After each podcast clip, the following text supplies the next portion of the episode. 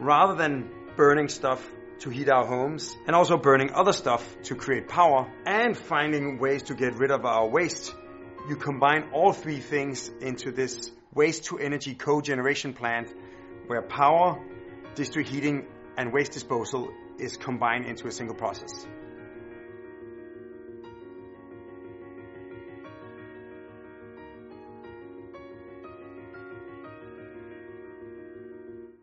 What if sustainable cities and buildings actually are not about all the things you can't do, but all the things you can do?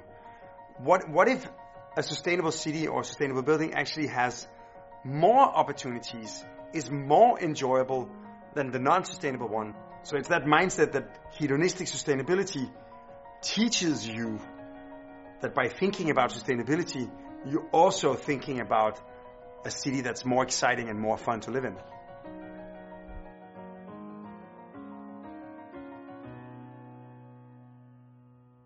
Amager is at, at its summit uh, almost 100 meters tall. It is really sort of a, a man-made mountain of uh, activity. They use the waste of the five municipalities surrounding uh, Copenhagen as the fuel to create both district heating and electricity.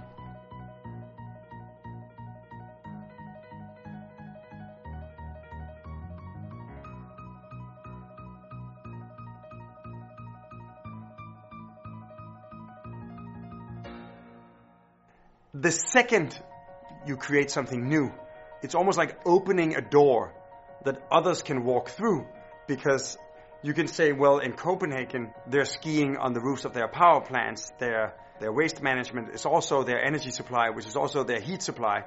So those examples that are built and functioning, they don't only solve the little challenge of powering Copenhagen, uh, but they're also becoming a beacon that others can look to and say, if they can do it in Copenhagen, why can't we?